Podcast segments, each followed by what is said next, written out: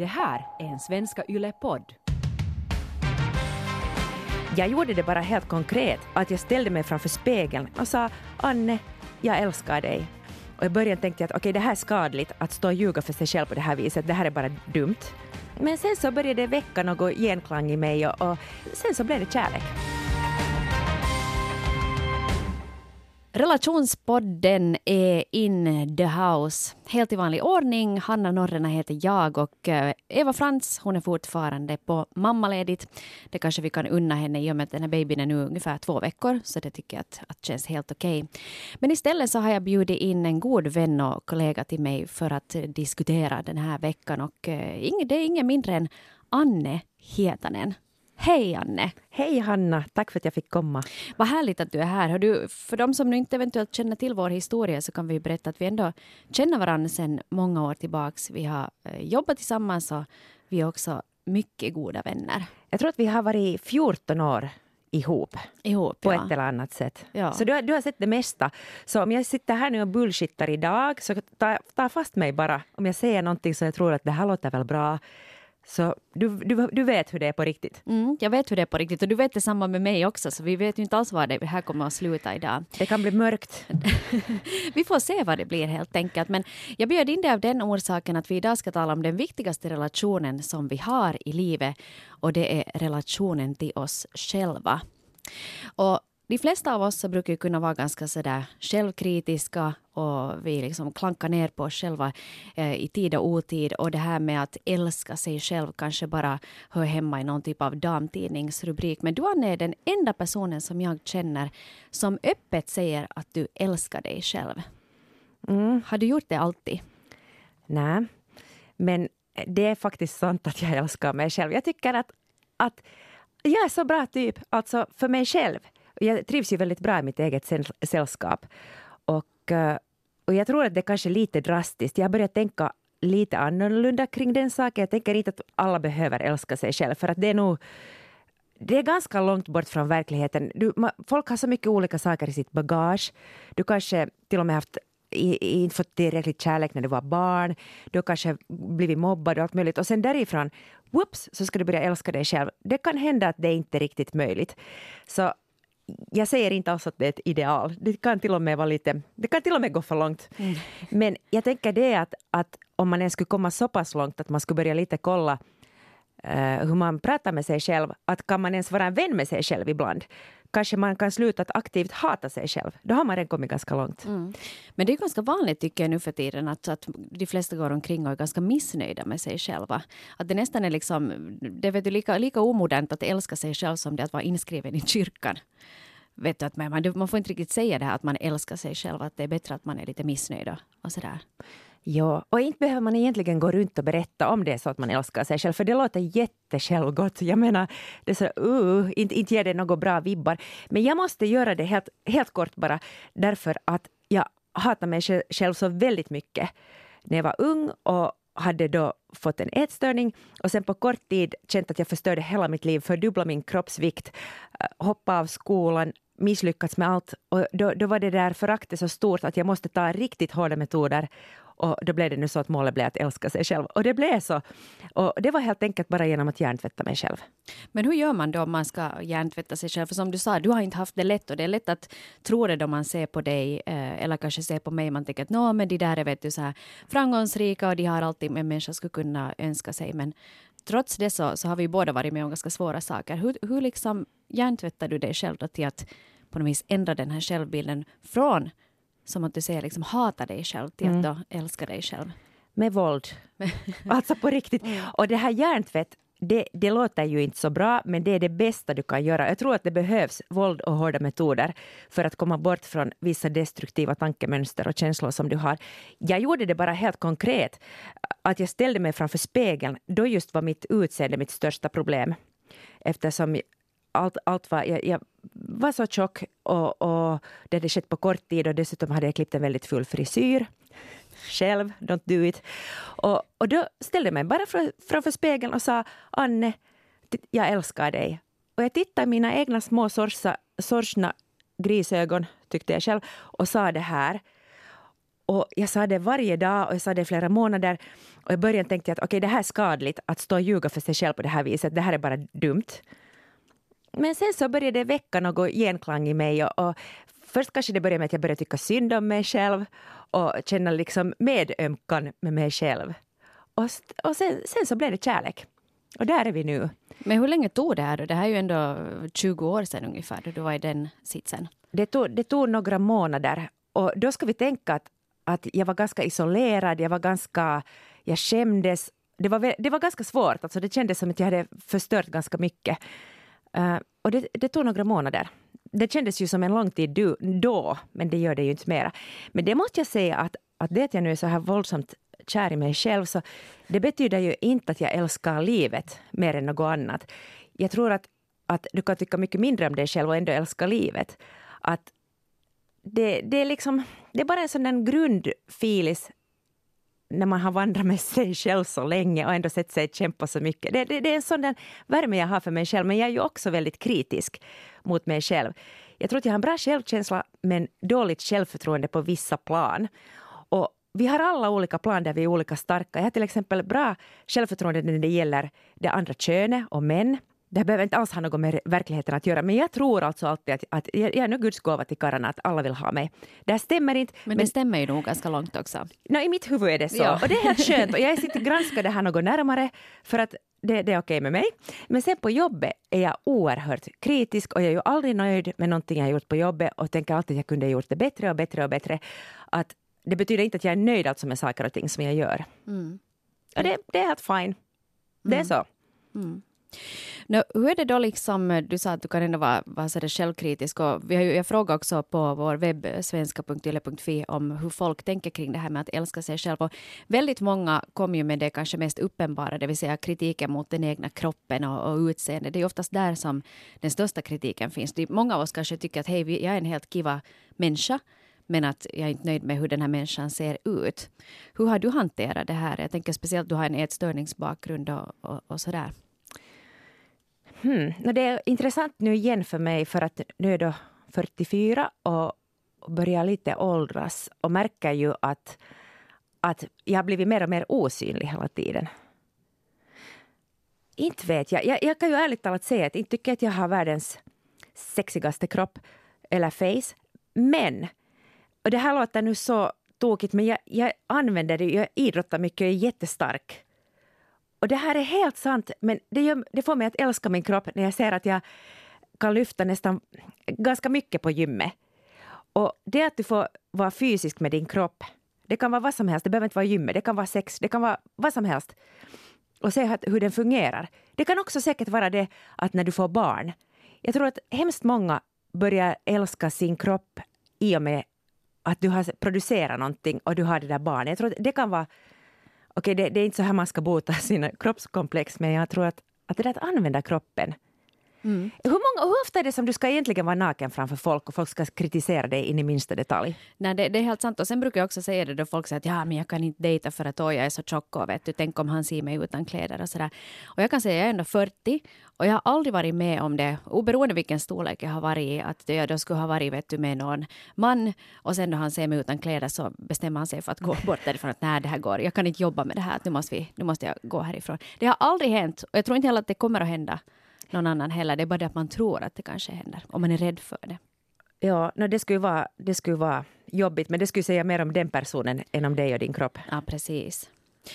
Hördu Anne, det var faktiskt en, en eh, kvinna här, 26 år gammal, under signaturen småbarnsmamma, som var inne lite på, på samma här som du, som du nämnde. Hon skriver så här. Jag har alltid, så länge jag kan minnas, haft svårt att acceptera min kropp. Även då jag var i väldigt god form och tränade sex dagar i veckan såg jag bara en massa fel i spegeln. Och det här är kanske en kliché, men efter min graviditet har jag blivit snällare mot min kropp. Alltså wow vad kvinnokroppen klarar av. Har börjat träna igen och rider, men det är för att stärka kroppen och för att den ska orka busa och leka med mitt barn och inte som ett straff för att det är löst eller att det är för många valkar här och där. Inställningen gör skillnad Fokus på att må bra, inte på siffror eller spegelbild. Jättefint. Alltså, det där är kanske inte helt ovanligt och att du också börjar det är ofta hör man att det redan börjar vid graviditeten för att då är det inte dig själv. Du kanske inte älskar dig själv men du, du måste ta hand om det där barnet inom dig.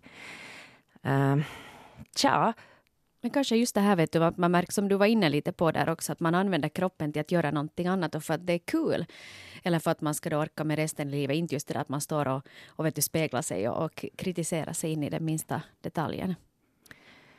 Ja, och sen på riktigt, tänk, jag får ganska ofta kontakt av äldre människor som är fast i, i att de tänker att nu väger inte jag samma med som ung. Och på något sätt gör det mig ännu ledsnare att ju äldre människor det är, när de, de kan vara till och med 70-80 och de tycker att de är tjocka. Och jag, blir så, jag tänker sådär att, att jag förstår det att man vill vara i skick och sådär men att, att hålla fast vid varför? Mm. Varför? Alltså ta och titta på det att okej okay, du har din identitet är det där att du är alltid den som ska vara i bra skick och smal men vem bryr sig egentligen? Vem tycker bättre om dig? Folk hatar egentligen dig ju mer vältränad du är, desto mer det korrelerar. Ja. ja. Men jag kan, nog, jag kan nog förstå det där också för att eh, jag märkte till exempel i morse för jag kom till, till hit för, att träffa dig så, så satt jag just och, vet, sminkade mig och satt och tittade där med min förstorande spegel och så märkte jag att hej, att här hade visst börjat hänga lite extra under ögat. Och jag fick så skitfilis vet du, en sån här liten, liten grej som att vad som händer under mitt öga. Ingen annan kan jag tänka mig nu bryr sig nämnvärt. Nej. Eller märker en stor Nej. skillnad från hur det var fast då, liksom för två veckor sedan eller två år sedan. Men det är så underligt det att man kan gå in och börja liksom älta någonting så här som är fullständigt ovidkommande. Jag tycker alltid att det, för mig är det så att då är det symptom på något annat som är fel. Och det är så lätt att haka fast i det där som du ser i spegeln och tänka att ja, men jag skulle ändra det där så skulle det vara bättre. Men Mm, det är nog ett tecken på det att när man börjar se de här sakerna och, och tänka på dem lite för mycket så det, då är det något annat du ska ta tag i. Mm. Men sen är det en sak också det att ta tag i och ta tag i. Jag tänker hemskt ofta på det här uttrycket vara sitt bästa jag. Och jag har bestämt för mig själv att jag behöver inte vara det. Uh, för det stressar mig den tanken. Så jag har gett lov åt mig själv att jag aldrig behöver vara mitt bästa jag. Det är hemskt trevligt om det händer en gång vart trettionde år, så då, då firar jag det. Men oftast så är det nog, tja, det är alltid långt ifrån. Och det är okej. Okay. Mm. Det är lite som Matti Nykänen, han är ju en, en, vad heter, en väldigt vis man på många sätt och han sa i något skede eh, någonting som jag har försökt anamma i mitt liv. Och han sa att i det här med backhoppning, att du behöver inte alltid överträffa dig själv, utan han sa att normali suoritus riittää. Det vill säga att en normal prestation räcker helt bra. Och jag brukar tycka att det där är ganska liksom förlåtande på något vis. Att måste, du måste inte alltid hoppa över det där röda strecket dit längst ner i hoppgropen. Utan bara du landar någorlunda snyggt dit någonstans i mitten partiet. Så, så det är du, ganska bra. Det är ganska bra det också. Du, så du faller ju i alla fall inte. Och det är omöjligt också att alltid vara bäst. Bäst är alltså på toppen. Mm. Det, det är någon få gång här och där. Och sen så tycker jag också att, att man behöver inte heller tävla på alla plan. Att du väljer nu någonting som du satsar på och där kan du ibland då försöka vara lite bättre. Hanna, jag måste fråga en fråga av dig. Mm, älskar du dig själv? Ja, jag gör nog det. Men jag, jag tvekar lite märkte jag. Jag måste lite kanske tänka efter. Men inte kanske fullt ut, inte allt vad jag gör och, och säger och sådär. Speciellt vet du just kanske att någon gång, till exempel i morse, vet du, man står och gormar dit åt barnen. Det, det är svårt att älska sig själv då man gör sig själv besviken och, och, och gör andra besvikna. Mm. Och kanske agerar så som man hade tänkt att man inte skulle. Det är ganska svårt liksom att, att göra det. Men samtidigt så har jag också ganska mycket förståelse för mig själv och den tycker jag har kommit också ju äldre man blir desto mer förstående är man och desto mer överseende är man. Jag kommer ihåg till exempel min mamma, hon sa någon gång just det, jag var ganska nybliven förälder och hade skitfilis för jag hade glömt någon matsäck till dagisutflykten eller något sånt. Alla andra barn stod där med sina ryggsäckar och mitt barn hade ingen, ingen ryggsäck med smörgåsar i. Och jag hade så dålig filis över det där. Att oj, och så sa jag till henne att hur kunde jag nu glömma det här? Och sa men Hanna, tänk på hur mycket du faktiskt kommer ihåg. Mm. Vet du, där är skrinskorna, där är gympakläderna och där är det ena och du har lagat mat varje dag.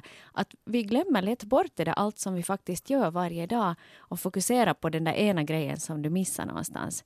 Vet du, man sa någonting dabbigt på mötet eller man glömde bort någonting eller att man fräste åt någon och sådär eller att man byxorna inte går på något mera. Bra sagt, mamma, mamma vet. Ja. Det, kan, det kan jag ta till mig det där. Mycket mm. bra. Uh, det har varit ganska mycket, mycket snack liksom just om, om det här med utseende och jag tycker att det går väldigt mycket hand i hand liksom med, med, med det här med att älska sig själv. Ser du bra ut och är du vältränad och snygg så är det lätt att älska sig själv. Men det går ju betydligt djupare än så. Och, och liksom den här relationen som du har med dig själv eh, är ju väldigt avgörande. Och jag tror att den här diskussionen som du för med dig själv kan ofta vara ganska destruktivt. Och här har vi också en, en kvinna under signaturen Misse som kommenterar det här. Jag har tack vare terapi blivit bättre på att tala med mig själv på ett snällt sätt och på ett sätt som jag skulle bemöta mina vänner med. Det räcker inte bara med att säga saker som “du gjorde ett bra jobb” utan man måste även säga det på ett snällt sätt. Annars kan det låta ironiskt. Och så skulle man, och så skulle man ju inte tala till en vän då hen behöver uppmuntran. Det kändes lite larvigt i början men då jag lärde mig att lyssna på min inre dialog märkte jag hur självkritisk jag var och lät och insåg att jag aldrig skulle tala till en kompis på det sättet. Så är det. Man har annan standard för andra än för sig själv. Mm. Men jag tror att vi alla har en, en arg kritiker som bor inne i oss. Det, det får vi förlåta. Han, han bor där. Och det är nu hans jobb att sitta och kritisera och det, det är så. Men jag tror att just om man som den här kvinnan skrev också, att man lite tittar på det utifrån, att okej okay, nu är han igång igen. Du var dålig, varför sa du så där, bla bla bla. Så tänker man att man låter nu honom pladdra där för sig själv. Och, och det vad han säger är ju inte sant. Det kan vara sant. Eller, eller är det? Okej, okay, det kan vara sant, men varför ska du lyssna på det? Det är mycket roligare att lyssna på andra saker som är positiva. Alltså, du kan se på allt ur hundra olika perspektiv. Varför ska du välja den här kritikergubbens röst? Uh, jag, jag kommer ihåg att jag haft flera gånger, nu har jag inte gjort det på länge, men ett, något band kring armen som påminner mig om att säga någonting positivt till mig själv. Uh, och sen har jag haft också sådana ingen kritik-veckan. Alltså att jag en vecka ger lov åt mig själv att inte lyssna på någon kritik som den här människan inom mig säger. Och i början minns jag att jag var lite rädd. Jag tänkte sådär att vad händer då? Att kommer jag släppa mig helt? Och, och bara prestera uselt material? Och kommer, jag, kommer det att fara helt? Så tänkte jag att men jag testar i fem dagar att inte gå med på det här. Det är klart det kommer impulser och sådär att oj, nu, nu var du nog jätteful och nu var du dum och bla bla bla. Men att man, okej, okay, förbi, man sätter, okej okay, det var han, men det här är ju ingen kritikveckan. Och så fortsätter man. Och, och det där...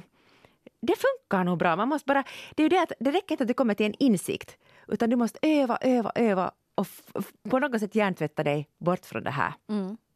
Jag hörde just, det var någon, någon som sa någon gång att, att det här med, med dina tankar, att, att det vad du tänker idag, så ungefär vet du, 98 procent av det är samma sak som du tänkte igår eller förra veckan eller kanske en månad sedan. Att vi på något vis är så programmerade, våra hjärnor är så vana med att tänka samma tankar att det är jättesvårt att sen mitt i allt fast ha en sån här ingen kritik-veckan. Att man faktiskt måste liksom träna sig själv på det. En, en annan sak som jag tränar nu i ett år som är, har varit helt revolutionerande för mig. Alldeles otroligt. Sluta säga förlåt. Det här är inte något som gäller alla. Vissa människor kanske behöver säga förlåt lite oftare. Men jag har alltid varit en förlåt-människa. Och, och jag, kan, jag kan också gladeligen ta på mig andras misstag och säga att det var jag. För att jag tycker att det är fint eller någonting.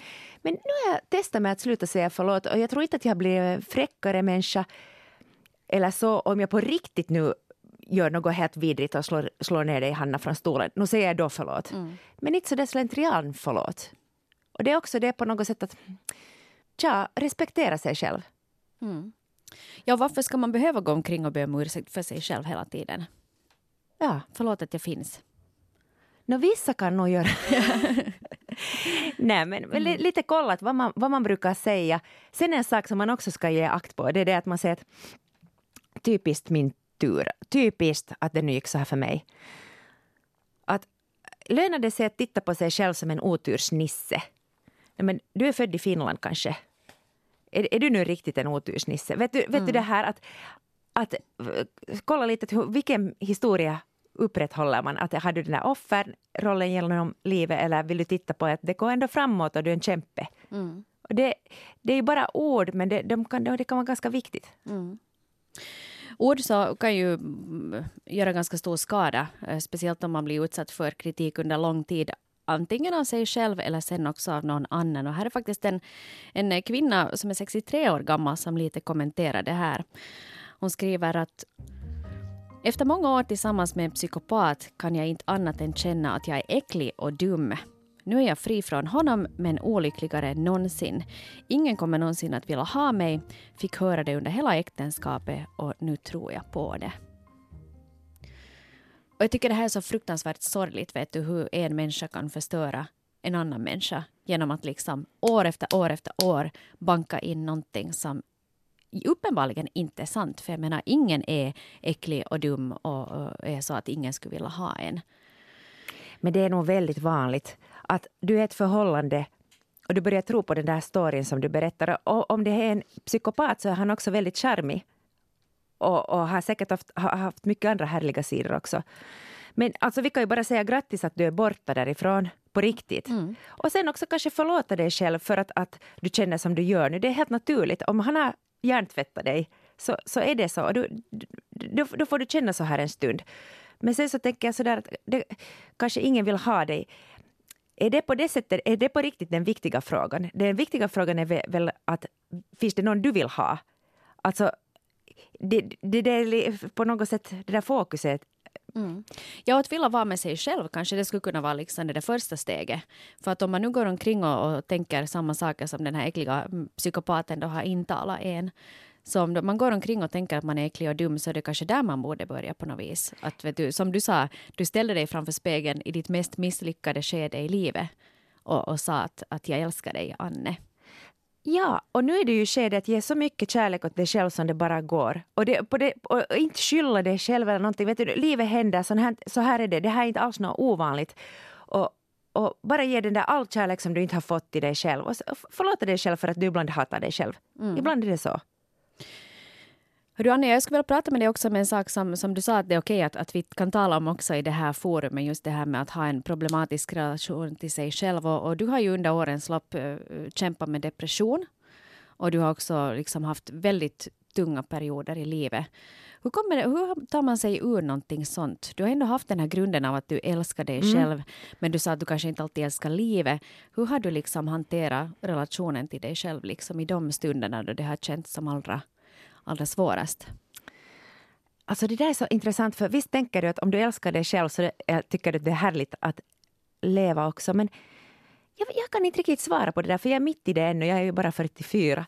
Att jag tänker så här att ja, ibland är jag deprimerad och, och det, jag förlåter mig för det. Det är inte mitt fel. Jag vet inte varför det är så. Jag har försökt allt jag kan för att må bättre. Jag tänker att jag är nu lagd på det här hållet. Jag, jag ser på mig, jag tycker att jag är som en liten konstnärssjäl. Jag har inte, ingen konstart som jag utövar, men att det är nu jag. Det, det, det finns inte bara bra saker, det finns mycket bra med mig. Det där är den saken som jag kanske skulle önska skulle varit annorlunda.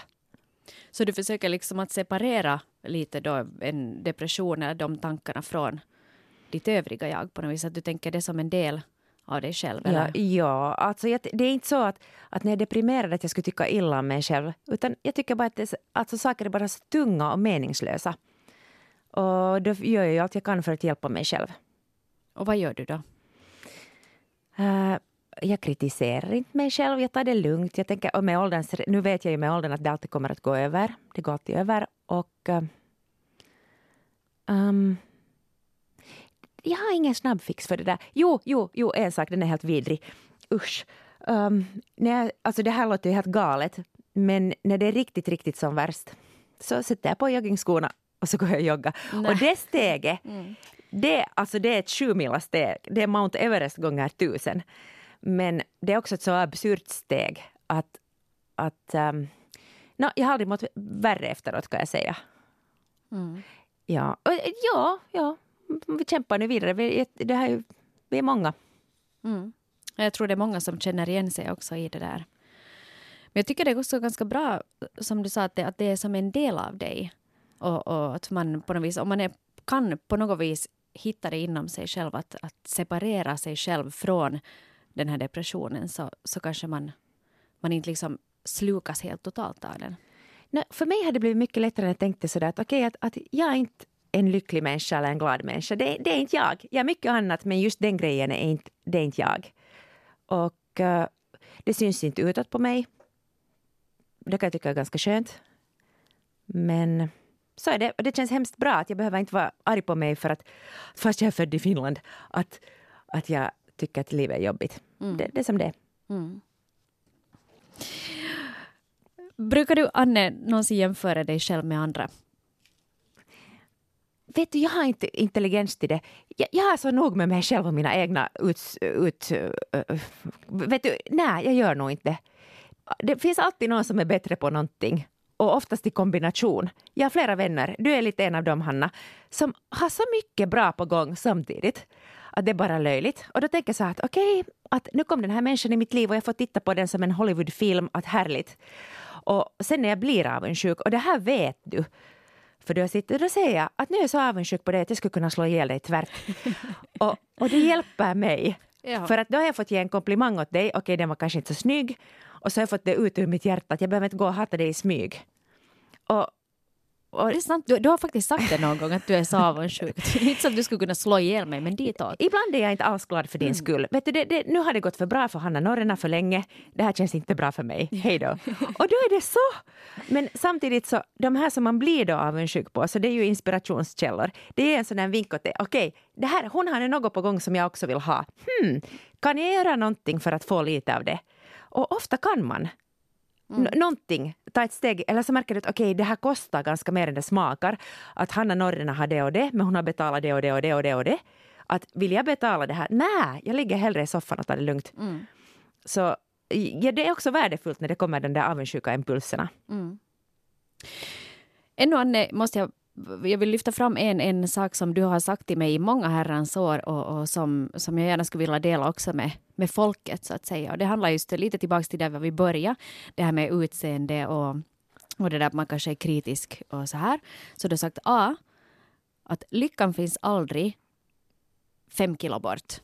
Eller 50 kilo bort. Eller två. Eller två eller den finns inte där fast hur du än försöker. Så fast du skulle gå ner då vet du det här som du tänker att då är jag min drömvikt och då kommer allting att bli bra och alla vill ha mig och det blir bara guld. Så vi, både du och jag kan ju intyga att vi har både gått upp och vi har gått ner och det, inte har vi blivit något lyckligare för det. Nej, det kan man säga att man kan nog vara en kvart kan man vara grymt stolt över sig själv. Men sen far det. Ja. Det, det, är inte värt. Alltså det, det, lyckan finns inte där. Mm. Nej.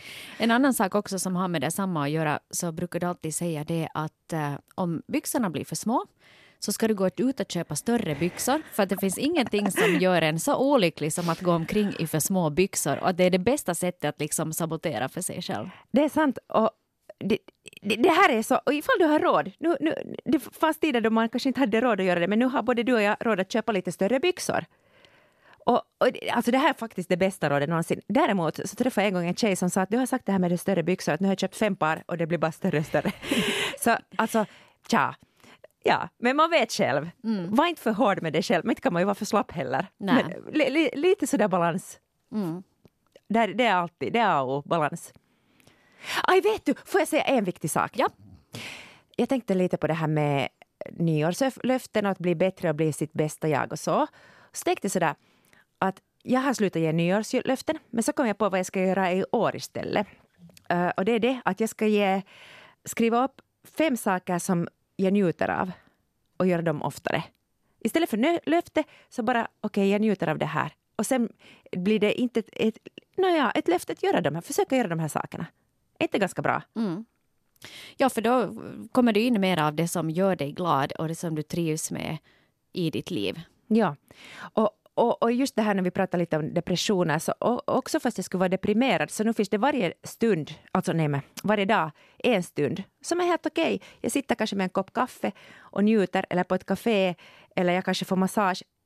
Gör mer av det också när man mår bra. Alltså man behöver inte spara det till sina sämsta stunder. Mm. Det här var mitt nyårslöfte.